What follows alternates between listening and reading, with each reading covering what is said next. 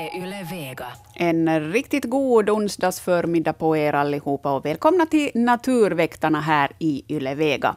Pia Lagus heter jag och eh, med mig i studion har jag också Hans Hästbacka och Anders Albrekt och Annika Ljungberg. God förmiddag på er allihopa. Hej, hej. Hej, hej. Morgon, morgon. Hur är läget? Hörni, jag har talat om vårfåglarna här nu flera veckor. Är det någon annan som har hört dem? ja, talg, talgoxe och, och blåmes sjunger förstås, grönfinkarna sjunger och pilfinkarna har blivit ivriga. Och sen har hackspettarna börjat trumma. Så visst hörs de första vårfåglarna. Nu är det, nu är det vårljud redan ute. Jo, ja. Och det känns ju, trots att det var ganska så kallt både i södra och eh, mellersta delarna av Finland idag, så känns det ju inte riktigt så där bitande kallt, trots att kvicksilvret kryper ner till minus 17. Det är vår i luften. Ja. Ja, vi närmar ju oss vårdagjämningen. Och det är ju eh, en otroligt viktig dag, tycker jag, i, i det här i årstidernas gång, i årshjulets uh, gång. Uh, senast på vårdagjämningen så brukar vinterns ryggrad brytas och sen svänger vi över till vår. Beroende lite förstås på, på vilken breddgrad man är i Finland. Men i Österbotten brukar det hålla ganska bra streck. Ja, nu är det här vid sydkusten också ganska bra. Att, det kan ju sen hålla på att slaska och, och vara tråkigt men att men att vinter blir det nog inte mera ordentligt. Nej, och det är ju inte meningen heller att det ska bli ordentlig vinter. Men, men eh, det här är ju den tid då, då vintern och våren kämpar om herrevälde. Men jag har fått de första rapporterna om flyttande sångsvanar redan i Österbotten, så att, och de är ju mycket tidiga av sig som flyttfåglar. Mm. Det är ju ett oerhört fint vårtecken, tycker jag. Ja, jag uttalar mig inte om det där att vintern inte återkommer. Jag säger bara, vi får väl se. Vi får väl se. Mm. Men hörni, det som jag vet med säkerhet är att Naturväktarna pågår ända fram till klockan 11 idag. Och ni är så hjärtligt välkomna med på telefon 0611 12 13. Ni kan e-posta till natur Mera hinner man inte skicka post, men vi har ju faktiskt en, en post Eh, vanlig adress också dit man kan inför nästa månad redan nu sända in sina observationer. Då är adressen Naturväktarna, postbox 12 00024 Yle. Men Annika, du håller koll på, på posten idag och framförallt på bildbloggen där eh, lyssnarnas, läsarnas bilder kommer att, att finnas.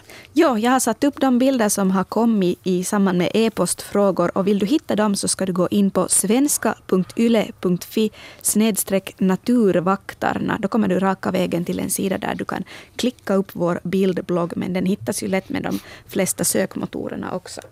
Mm. Härligt hörni. Men vet ni vad? Nu har vi redan ett samtal på ingång så jag säger välkommen till Naturväktarna. Ja, god morgon. Får jag väl säga fastast i gubb sex. ja, absolut. och, och, välkommen panelen till det här programmet, det är eftertraktat.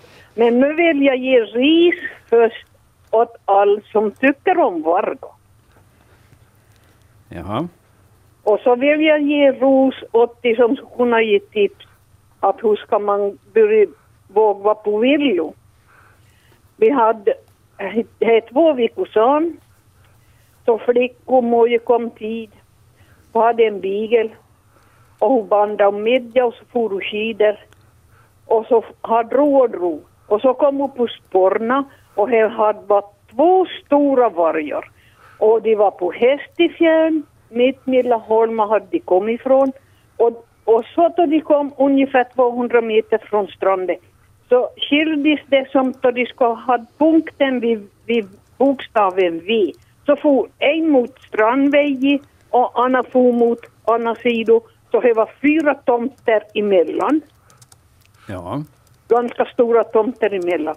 Och, och det här jag följde de spåret för inte hade inte där att det var så länge.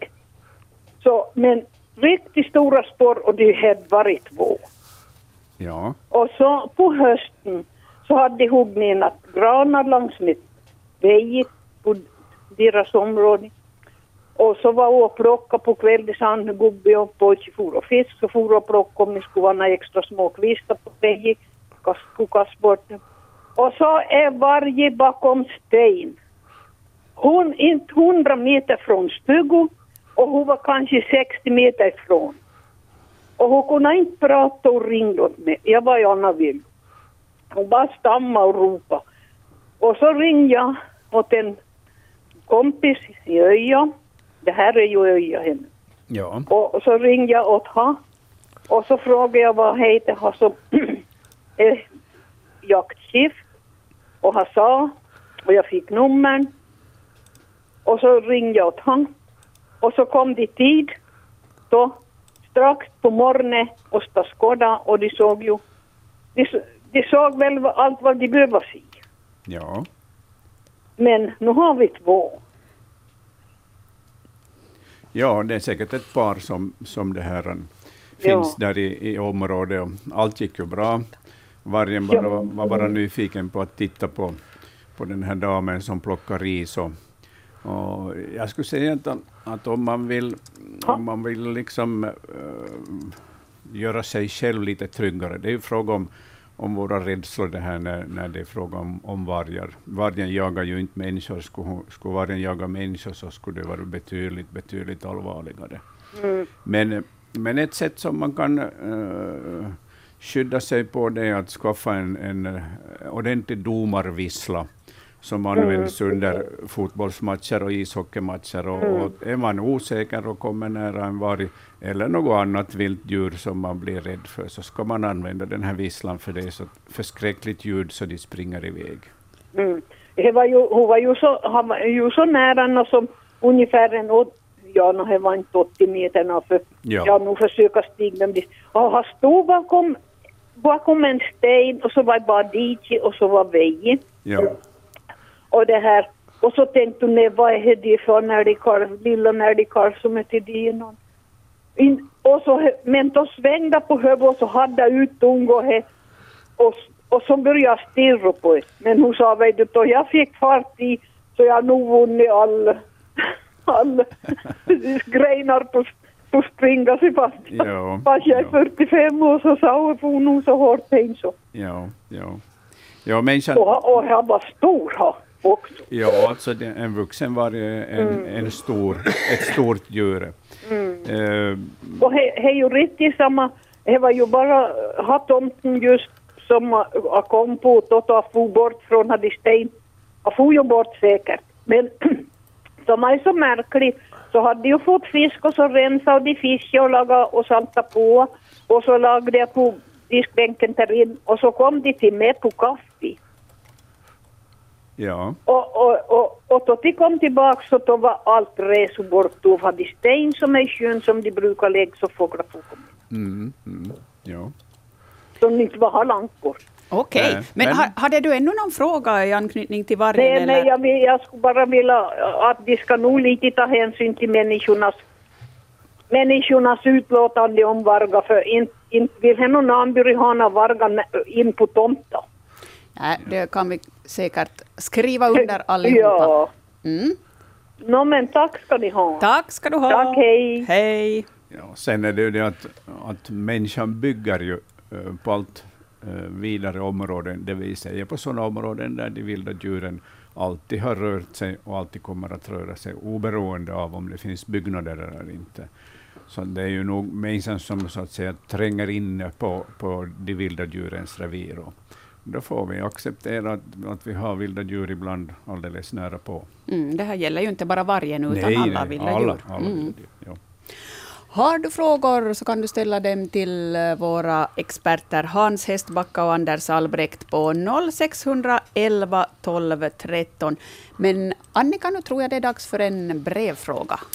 Ja, vi pratade förra gången om en insekt som Anette hade fotograferat. Och nu har Anette eh, skickat in ett exempel eller några exemplar av den här insekten så Anders kan ta en närmare titt på dem. De är i ett sådant provrör och Anders har en lupp med sig så att han kan undersöka närmare vad det här skulle kunna vara för ett djur. Förra gången sa vi att det var någon stekel. Det handlar alltså om en flygande insekt som var en centimeter lång. Gulsvart bakkropp hade den och spröt den fram och bak. Och tio stycken sådana hade Anette skickat och några har hon nu skickat in åt oss. Så skulle vi kunna kolla på den närmare. Vad säger du Anders? Kommer du närmare till en stekel den här gången när du har den nu här framför dig? Jag, kom, jag kommer till familjen nog att det är frågan om en rovstekel. Okej, okay, det var en av de där gissningarna. Så jag kommer nog vidare men att jag, jag måste tyvärr pussla ihop dem hemma. Jo, den hade farit lite illa under vägen. Det var, det var fick, bara flisor av det. Jag fick till fotograferingen försöka hitta ett huvud som skulle passa till den där bästa kroppen. Men att du fick ändå se några delar som hjälpte ja, dig. Jag, att du... jag tror jag klarar nog av det sen med, med böcker och, och mikroskop hemma.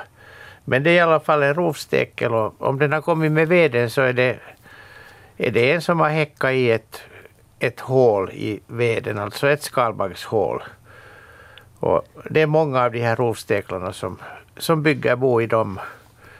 In, in i hålet så bär de ett bytesdjur och så lägger de ett ägg och sen murar de en liten vägg och sen tar de följande djur och så här och fyller på tills, tills hålet är fullt. Men vad gör de annars? De är rovdjur, säger namnet. No, de är, egentligen är de vuxna djuren så är, är nektarätare. Jaha. de går på blommor men att de, de fångar då vanligen insekter som de fångar åt, åt sina larver som de bedövar och lägger dit i, i boet så att de, det här bytesdjuret lever då i, i månader helt förlamat men det hålls färskt på det viset. Okej, de har ganska spännande sysslor för sig då. Ja. Att de, de, med några, några stick i, i vissa kritiska nervknutar så förlamar de djuret. Och så. Ganska, ganska fiffigt. Och de här, deras larver sen när de, när de växer så de, de växer väldigt långsamt och först några dagar före de ska förpuppa sig så då då äter de upp sig för att då, då klarar inte det här bytesdjuret sig länge mera när de blir helt urätna. Och de här de har nu kommit in med, med veden, de har varit där då som puppor och så har de kläckts nu. Ja, och nu hittar de nog ingen nektar tyvärr. Nej, och, och inte hittar de något byte heller. Så. Ja. så de har missat lite när de har lagt sina så, larver i, så, i vedhögen. Så kan det gå, men man kan ju inte kolla varje vedklabb heller. Och de är väl inte alls farliga för oss? Så nej, nej, inte farliga är de inte. Nej, men kanske, kanske det är lite farligt för, för rovstekeln att komma in. Som no, vi konstaterar. Så. No, det är nog det är liksom dödsdom. Mm. Tyvärr. De är, de är jättesöta och sympatiska djur. Härligt när någon tycker att den där fula krabaten är söt. Mm. Nej, ful är det ju inte. Nej, nej, okej. Okay. och vill du se den här sötnosen så kan du gå in på vår bildblogg som du hittar på svenska.yle.fi snedstreck naturvaktarna så hittar du vår bildblogg med alla de här bildfrågorna som vi har fått in och ska behandla idag. Mm. Finemang, hörni, jag tänker lyfta på luren och säger välkommen till Naturväktarna. Jag vill bara säga att nu måste ni ha någon bättre koll. Inte kan ni börja ta in sån här vargdravel som den där var just. Slösa på, slösa på, på viktig tid. Okej, okay. ha, ha, hade du någon fråga? Hade du någon nej, fråga? Nej, jag har bara en kommentar att ni kan inte ta sådana samtal, att det är här dravel som ni har. Bra, okej, okay. tack ska du ha för ja, din åsikt. Hej. hej. Alla åsikter och alla typer av frågor och observationer är välkomna till Naturväktarna på 0611 12 13. Lugnt eh, på linjen just nu, tänkte jag säga, men där misstog jag mig. Välkommen till Naturväktarna. Det är Peter från Vanda här, hejsan. Hej på dig. Hör du, jag har en, jag hoppas det här inte är dragen över kammen som dravel, men det här är mera ett intressant konstaterande, jag skulle lite fråga också. Det hände sig här förra hösten att jag tittade ut så på vår bakgård och där var det, inte mera ihåg om det var en skogshare eller en fälthare som blev jagad av en, jag är inte heller någon specialist på rovfåglar men jag skulle anta att det var en ormvråk. Uh, ormvråken jagade haren. Helt plötsligt stannade hela läget. Haren vände om och började jaga undan, undan bråken. Ja. Och, eh, och det, eh, sen stannade läget igen och sen igen åt andra hållet. Så att ormrocken jagar haren. Det här skedde då typ, jag såg det åtminstone tio gånger ändras, ändras det här läget. Och I något skede så satt de båda på gräsmattan, haren satt och stirrade på bråken och helt plötsligt började den attackera den. Alltså, vad, va händer här? Jag, jag antar att uh, haren var så stor att bråken nog inte skulle kunna ta den, men, men vad, va kan det ha rört sig i, i närmast då harens huvud när den betedde sig på det här sättet? Ja, den har helt enkelt tagit till det bästa försvar som finns, det vill säga anfall. Eh, och så brukar det vara när, när ett bytesdjur vänder sig mot sin jägare och, och anfaller den här jägaren, så, så blir jägaren i det här fallet då en vråk eller hök eh, så osäker så att den avbryter sitt eget anfall. Och, och det finns ju många exempel på, på sådana här situationer där, där bytesdjuret har satt sig till motvärn på allvar och då har den fått vara i fred och till och med klara sig. Ja, ja, i det här fallet tror jag nog den klarar sig. Ja. Jag såg inte hur hur det slutade, men jag antar att... Så det var ju en bra taktik den, den haren hade i alla fall. Visst, visst. Ja. Anfall är Ja. bästa försvar. Ja, just det. Ja. Bra. Mm. Tack för det. Ja. Tusen tack ska du ha. Mm. Hej. Och så säger jag välkommen till natur... Oops, där var jag lite för långsam. Ring in på nytt på 0611 12 13. Välkommen till Naturväktarna. Eh, jo, hej. Jag har en katt som är sex år gammal och lite på. Det är nog en innekatt, men den har varit ute. Det är typ ragdoll som är ytterst sällskaplig och följer efter en som på alla ställen. Och, men den, Pippi har Pippi på gräslök. Jag måste köpa sådana gräslökskrukor hem och få ställa den på ett bord. Så hoppar den på stolen och tar med fram tassarna och böjer den. Och den varje morgon, varje dag ska ha den här gräslöken. Den är lite lustig. Det låter lite bekant, så beter sig också min katt där hemma när den får tag på någonting gott, nå- något gott gräs, att den kan ta med det med tassarna mot munnen. Jo, men, men gräslök har ju ändå ganska stark smak och det är ofta i när du köper till exempel från, Stockis det där anjong och tjocka, de där saftiga. Ja, de är säkert goda. Jag vet inte om den där löksmaken då är väldigt skarp i kattens mun. Tydligen gillar den det då. Mm. Så du menar att det är liksom inte något onormalt beteende? No, jag har förstått att det är väldigt normalt att katter äter olika, olika slags växter, så att man får nog vara alert med vilka krukväxter man har inom räckhåll för katten. Att du ska prova på allting? Ja, man kan ju odla till exempel vete eller korn eller gräsfrön för katten på vintern Men, när de men, men inte... den är den är inte så speciellt. Det är just den här gräslöken som är det där. Men då har den hittat sin favorit. Nej, den har hittat sin favorit. Det är bra det. Fint, tack. Härligt. Tack ska du ha. Hej. Hade någon annan någonting att tillägga i den här frågan? Det Nej, intressant. det, var, det var spännande. Ja, katter är väl som vi, vi föredrar olika typer av föda. Hörni, här ringer det på riktigt bra så jag fortsätter svara och säger välkommen till Naturväktarna. Det var, det var Gran från Terrier, hej. Hej på dig! Är jag, på, är jag i radion nu? Nu är du med direkt i Naturväktarna. Jag har en fru som ömmar väldigt för små fåglar och bakom stugan har vi ändå ett fågelbräde och så har vi haft katter som smyger sig runt och tar sina stekar där så blev jag less på det där och satte rävgaller runt ungefär 60-70 cent i diameter och 70-80 cent hög. Och fåglarna försvann helt. Är det möjligt? Ja, det nor normala brukar vara att, att fåglarna nog accepterar sån här galler och, Ja. och får, ett, får ett bra skydd mot katter och hökar som brukar jaga på sådana här fågelmatningsplatser. Eh, Det är tre, det är tre veckor sedan och, och inga få, fåglar har ännu synts. Ja. Jag kom, kom med någon enstaka och hälsade på men så är de väldigt skygga. ja. Gallre, gallre är ju borttaget förstås. Ja, ja. Det kan hända också att, att du har haft, eller att ni har haft eh, någon eh, sparvhök som har jagat småfåglarna intensivt där några dagar och, och då brukar småfåglarna vara försvunna i, i flera veckor i värsta fall. Okej, så vi får ge oss till tåls. Jag tror det, ja. Mm. Okej, tack så mycket. Mm. Tack ska Tack. du ha. Hej. Hej. Ja, det ringer på bra här, men Annika, jag tror vi ska ta en, en brevfråga här emellan. Ja, den här frågan har kommit in per e-post. Vi har fått en bild av en, sla, en uggla som då antagligen är en slaguggla. Det här är något som Camilla vill ha bekräftelse på. Hon har observerat den i Borgå skärgård, Kartdrag byr, säger, säger Camilla. Då. Och där har vi en, en ståtlig uggla som sitter på en kort gren strax invid tallen. Och man ser att den har på sina ljusa mage sådana streck som har lite samma färg som det gråa på tallbarken. Ja, ja, det här är en, en slaguggla som eh, sitter och sover under dagen.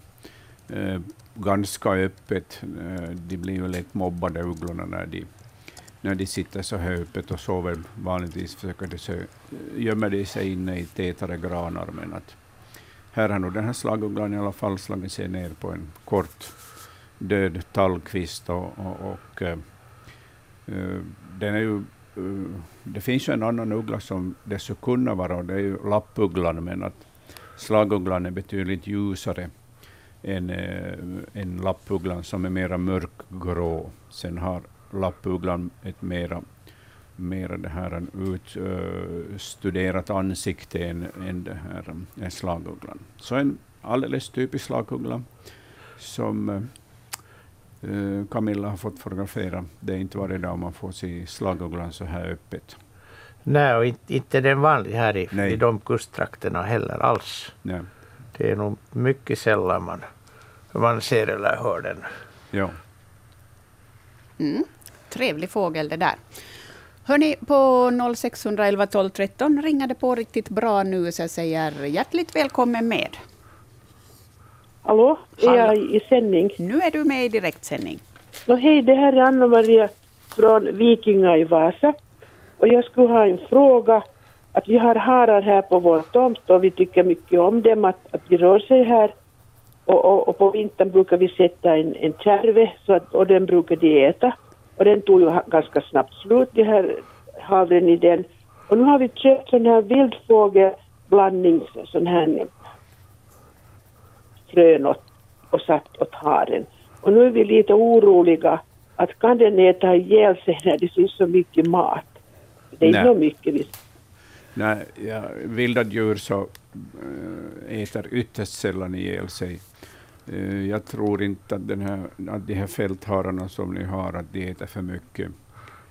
Eh, det, finns, det har hänt någon gång att till exempel rådjur eller vitsvanshjortar har, har ätit ihjäl sig på, på för kraftig föda som de har fått under vinterns svältperiod och, och då har det inte passat ihop med deras matsmältning. Men att de här hararna har ju, är ju vana vid att äta varje dag där, så jag tror nog de klarar det bra. Ja, vi tycker att det är riktigt trevligt när den kommer bäst Ja. på kvällen och äter och den är inte mer, fast man är på gården så äter den. Ja, Ja, det, det är riktigt roligt. Ja, jag har samma sak. Vi har några harar som, som kommer till fågelmatningen. Och, och de hjälper till dessutom när det har snöat så att de gräver fram det åt fåglarna, det som har blivit under snön. Så att fåglarna har lättare att hitta sen. Och den har också på något sätt grävt några gropar åt sig, den har, på natten har de haft några gropar tydligen när det har blivit större snöar märkte vi. Att där har den också övernattat på något sätt. Ja, och de kan gräva ganska djupa gropar åt sig. Ja. No, men tack för det här beskedet och tack för ett trevligt program. Tack ska du Tack. ha. Mm. Tack. Hej. Ja, labradoren är nog förmodligen det enda djur som kan äta ihjäl sig. ja. ja, alltså man kan ju nog, djur kan ju äta ihjäl sig om, om de får mycket föda av en viss sort på en olämplig tidpunkt. Men, men de här hararna så är ju vana vid att äta där varje dag, eller varje natt. Mm. Men bra, det var ett, ett gott besked. Ja, Till damen som ringde in. Och eh, jag tror vi tar en, en brevfråga här emellan samtalen, Annika.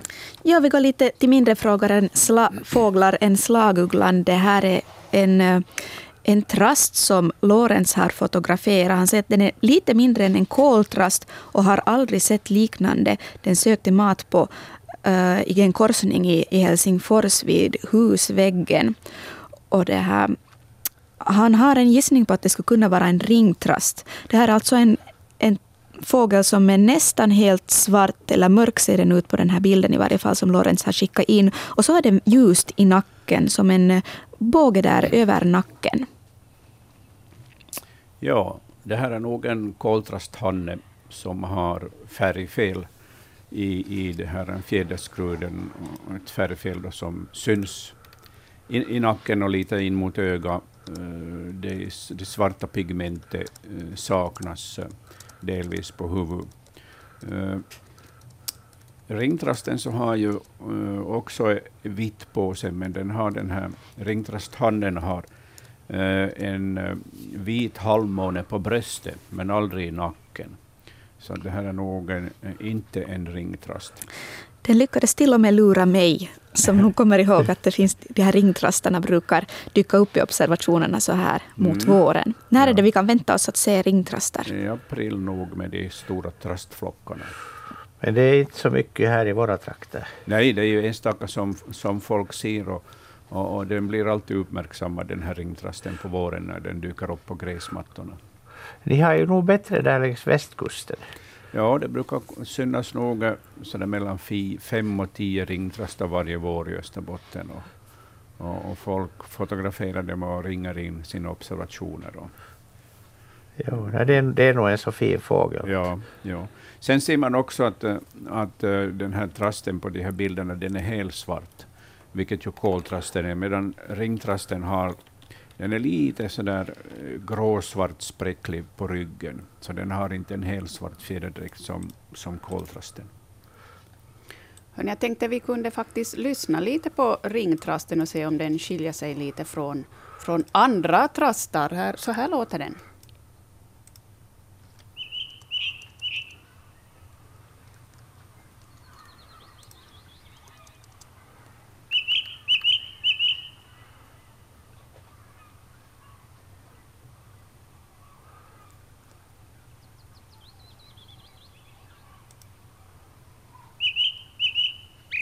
Mm. Ja, den, den sång skiljer sig mycket från den andra. Det är en mycket enkel sång som uh, inte alls når upp till till exempel koltrastens fina flöjtningar. Mm. En ganska skarp och, och gäll sång som ska höras, höras genom uh, fjällbäckarnas brus. Den, den häckar ju i fjällterräng. Så den har en sång som är väl anpassad till, det, till den miljön. Bra. Hörni, då lyfter vi på luren igen och säger välkommen till Naturväktarna. Ja, det var Gran igen, Terrier. Hej. Ja, hej. Där mellan Heimsjön och ån finns en bäck och i den ändan på bäcken nära ån så finns en gullig, gullig strömstad. Är det vanligt med strömstad så här långt söderut? Ja, under vintern så är det det. Vi har ju Eh, eh, flera tusen övervintrande strömstarar i Finland. Och de strömstararna kommer från eh, norska och svenska fjällområdena där de häckar. Men de flyttar mot sydost till, till vintern och övervintrar bland annat i Österbotten och i Nyland vid bäckar och forsar som har en tillräckligt bra luft, vattenkvalitet så att vatteninsekter, till exempel bäcksländor, bäcksländelarver kan leva i det här vattnet och, och de här strömstarrarna lever på de här sländelarverna, hus, de så kallade husmaskarna. Ja, jag har inte sett någon fru eller herreman, det är bara en enda kan det finnas i buskarna en, en, en ström, strömstarrskaveri. Ja, eh, de brukar hålla ett visst revir på vintern, de här strömstarrarna och, och, och uh, hålla gärna en sån här liten bäck för sig själv, åtminstone en 50 meter för sig själv, och sen kan följande strömstare få följande avsnitt. Så att uh, de lever inte parvis under vintern, utan uh, de är nog ganska stora individualister under vintern. Okej, okay, tack så mycket. Ja. Tack ska du ha. Tack, hej. Hej. Aha, det på känn det skulle bli mycket mycket fågelfrågor idag. Ja. Och just harar och så där har vi haft gott om. Och frågorna de fortsätter att strömma in. Jag säger välkommen till Naturväktarna. Jo, det... Aha. Du får skruva ner volymen lite på radion så jo, jo, just. Jo, det är Birgitta från Tammelund som ringer. Hej. Hej på dig. Ja, det där har med min man sitt. Vi har ett sund här mitt emot som är mycket strömt. Och där såg vi igår en bäver. Ja. Och, och det där, och den, den, vi såg den riktigt tydligt och så måste jag ändå titta i Google att är det verkligen en bäver och det var det nog. Men är det var att vi är så här, jag menar här är ju så lite öppet att det är bara öppet här i Sundet. Det ska nog inte finnas bäver här i Tammelund. Ja, ja, men det fanns nog. Du är säker på att, att det inte var en bisamråtta? Nej, så, så trodde vi först men sen när jag, äh, min man har riktigt en sån där jättefin kikare som vi fick till julklapp av våra barnbarn. Och han tittade med den och så tittade vi på den där bilden från, från vad heter det i Google. Och det var nog en sån kopia av den att det, det, att det var så mycket större än en, en vita Men vad kan det vara sen när det, det finns det ju mycket öppet vatten här, det är ju bara det här sundet. Jo, nej, den, den, den gör ju sina dammar men att det, det måste Jo. vara på, på genomresa någonstans för att det, det finns ju inte bävrar på Ja. långa, långa avstånd från Helsingfors. Ja. Så det måste nog vara Det något annat då. Då, då måste det vara något annat fast, fast vi nu i sten säger att det är en bäver. Nå, det, är inte, det, inte det är omöjligt. Det finns ju också sällsynta saker. Jo, jo, jo, det, Men ja. att, men att det verkar nog mycket osannolikt med bäver. ja, och den dök liksom, den satt emellan på iskat och så dök den ner.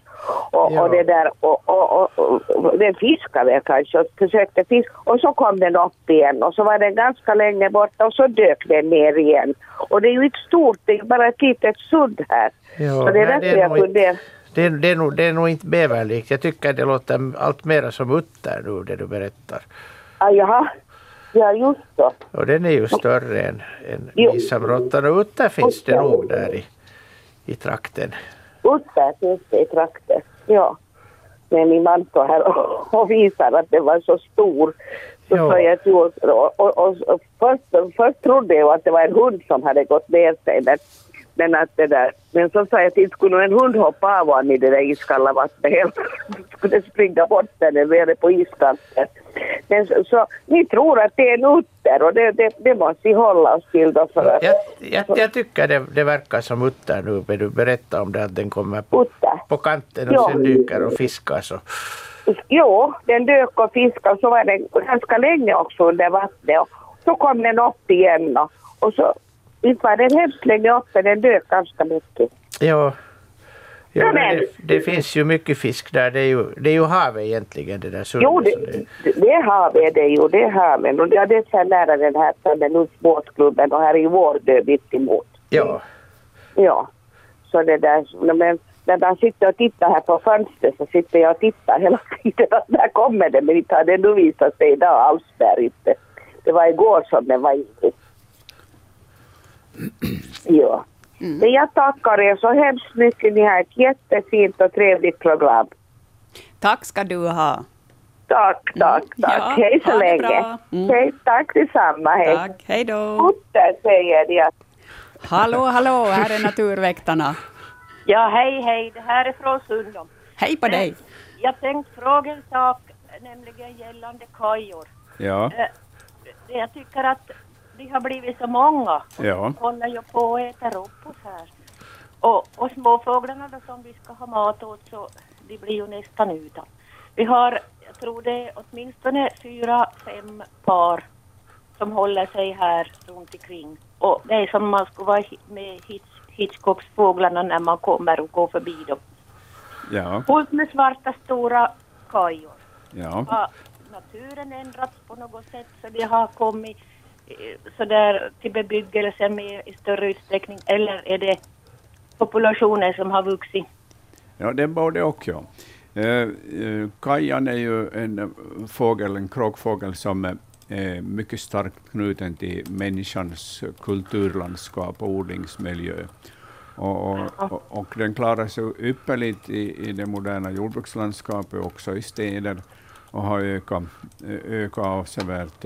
Dessutom har de, har de också ändrat vanor, det vill säga kajorna och de andra kråkfåglarna hör till de klokaste fågelarterna i världen och, och söker, ja. hela, söker hela tiden nya äh, födokällor, speciellt under vintern. Ja. Och de kommer allt mera in på gårdarna för att äta av den mat som vi serverar åt småfåglarna.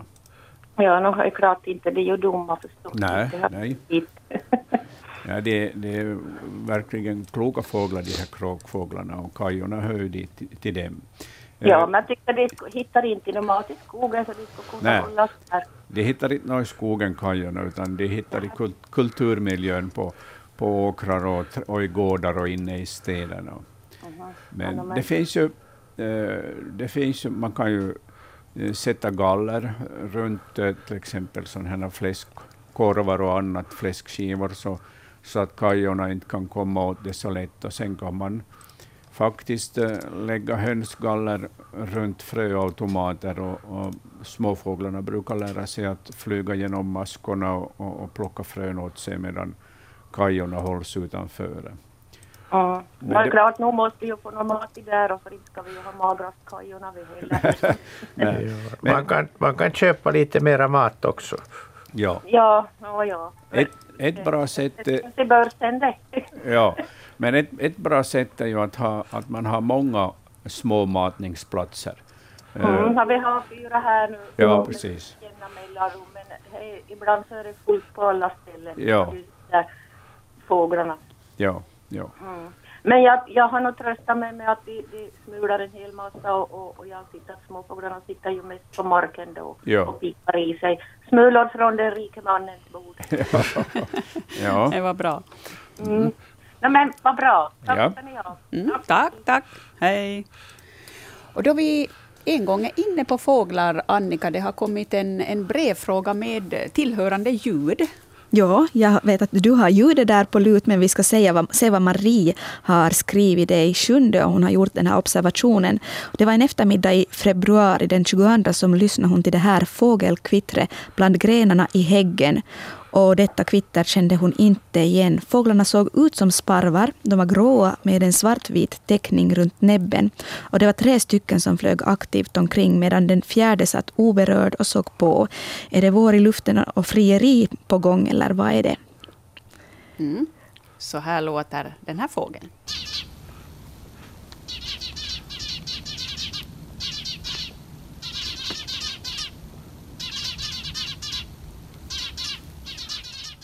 Mm, Hans nickar till här. Ja, känt igen pil, det. Pilfinkar som sitter och konverserar i, i, i häggen. Och, och just det här att de har svartvit teckning runt näbben så passar bra in på pilfinken och att de påminner mycket om gråsparven. De är ju något mindre än gråsparven, men, att, men eh, påminner mycket till utseende. Mm. Och det är typiskt för pilfinkarna att de sitter och pratar på det här sättet, och, och speciellt på, sent på eftermiddagen förrän de flyger iväg till sina över, övernattningsställen i holkar eller ventiler, så brukar de samlas i gårdens uh, häck eller något tät, tät uh, träd, och där sitter de då och konverserar intensivt. Och sen, Vad pratar de om här? ja, de pratar säkert om dagens händelser och, och, och gör upp uh, om, om det här, olika åsikter i, i den här flocken. Härligt. Så pilfinkar. Mm. Mm. Hörrni, det där är också ett mycket bra exempel på hur man kan eh, få svar på sin fråga här i Naturväktarna. Man skickar in en, en liten videosnutt helt enkelt, så kan vi identifiera djuren i fråga. Nu lyfter vi på luren igen. Välkommen till Naturväktarna. Jo, det här är Kerstin från Svibbo. God dag. God dag, god dag. Jag skulle fråga om domherrar. Ja. Ja. Och nu hade vi så hemskt mycket domherrar här hela hösten och ända i januari. Men så försvann de alla. Ja. Att har de dött eller vart försvann de? Nej, de har inte dött, utan domherren så, så kan leva ett ganska så vidlyftigt liv under vintern, vinterhalvåret. En del flyttar bort från Finland, och sen andra så strövar omkring på stora områden. Ja. Och, och, de kan flyga iväg till västkusten, till östkusten, eller till öst, mot öster eller sen till sydkusten. Så de, de, de har ett sånt här lite vagabond äh, aktivt liv. De här. Speciellt, när, speciellt när vi har passerat midvintern och januari och, och är inne i februari, då brukar en hel del småfåglar börja röra på sig igen när de har klarat den här Uh, och vi har haft domherrar här som vi aldrig har haft förut. Jag hade ända till 14 stycken. Ja. Mm. Jag har fyra matplatser här utanför köksfönstret och jag har varit så glad över dem. Ja. Och så mitt i allt så är de borta. Ja, det är, det är tyvärr så här, man får inte behålla dem hela vintern utan, utan de kan, de kan stanna en viss tid och sen griper oron dem. Ja, våra har, just, våra har just kommit tillbaka efter att ha varit borta några veckor. Ja. Mm. Nu har, har vi dem där och de hämtar med sig grönfinkar och pilfinkar och annat också. Så ja, nu är det och hemskt mycket sparvar hade de också och domherrar och, och vi har haft fem koltrastar här hela vintern. Men nu har de jäklarna också stuckit sin väg. Ja. Att vi undrar bara att, att de blivit förgiftade av de där solrosfröna.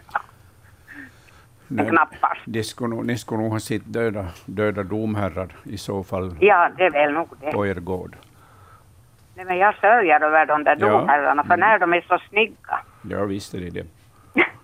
Mm. Nej, men då får vi bara hoppas att de kommer tillbaka. Mm. Tack så mycket. Ja, tack ska du ha. Hej. En snabb fråga innan vi ska ta en liten nyhetspaus här. Välkommen till Naturväktarna. Nå, Granlund Johan, ja, hejsan. Hej på dig. En fråga till Hans här, lite känsligt kanske till fråga om några djur som börjar på grå, men gråspett i Pedersöre, hur pass vanlig är en gråspett i Pedersöre? Eh, den har blivit allt vanligare också i Österbotten, ja. gråspetten, ja. så, så att jag är inte alls förvånad att du har gråspett hemma på gården. Ja, no, jag har inte, men jag var, jag var en gång på de talgstången var en ja. gråspett och hacka sådär. Mm i konkurrens med kajorna förstås. Men det här. Ja. Nej, jag talar med Ade som följer lite med fåglar. Det, det, det, det har inte så många som har sett gråspetten och Jari Pedersöre åtminstone sådär. Men det verkar att det blir vanligare i fågeltopp. Den blir vanligare, ja. Och den är ju ganska försynt av sig, så man lägger inte alltid märke till den heller, fast den är i, i, på matningsplatsen. Nej, det kan, det kan ju vara förstås. Ja. ja, men en, en trevlig observation. Ja, ja. No, men bra, vi kör vidare. Ja. Ja, tack, hej. Tack för det. Hej. Hörni, så där generellt så verkar det som att det dyker upp allt fler arter här. Fåglar i synnerhet, de, de verkar hitta nya bo, bosättningar i, i Finland. Stämmer det? Ja, no, nya arter får vi ju inte, men, men gråspetten är ett typiskt exempel på en art som har ökat betydligt. Den har ju tidigare hört endast till, till Nylands eh, ek bälte eller till södra Finlands ekområde. Och, och uh, därifrån har den spridit sig norrut. Och, och som sagt, i Österbotten så ser man den allt oftare idag. Och nu på vintern så kommer den till matningsplatserna förstås. Speciellt uh, ofta kommer den i skymningen och gryningen. Mm. Men trevligt att också fåglarna rör på sig. Ja. Mm. Hörni, det ska bli nyheter här i Ylevega alldeles strax, men Naturväktarna fortsätter ju naturligtvis efter det. Ni kan fortsätta att ringa på 0611 12 13 och ni kan fortsättningsvis skicka e-post på natur yle.fi. Vi tar så gärna emot det. Det kan hända att vi inte hinner avhandla alla frågor idag, men i så fall skjuter vi fram några också till nästa månad. Och så kom ihåg att ni kan följa oss på Facebook också. Naturväktarna heter vi där. Det finns många fina diskussioner och observationer. Nu blir det klockan tio.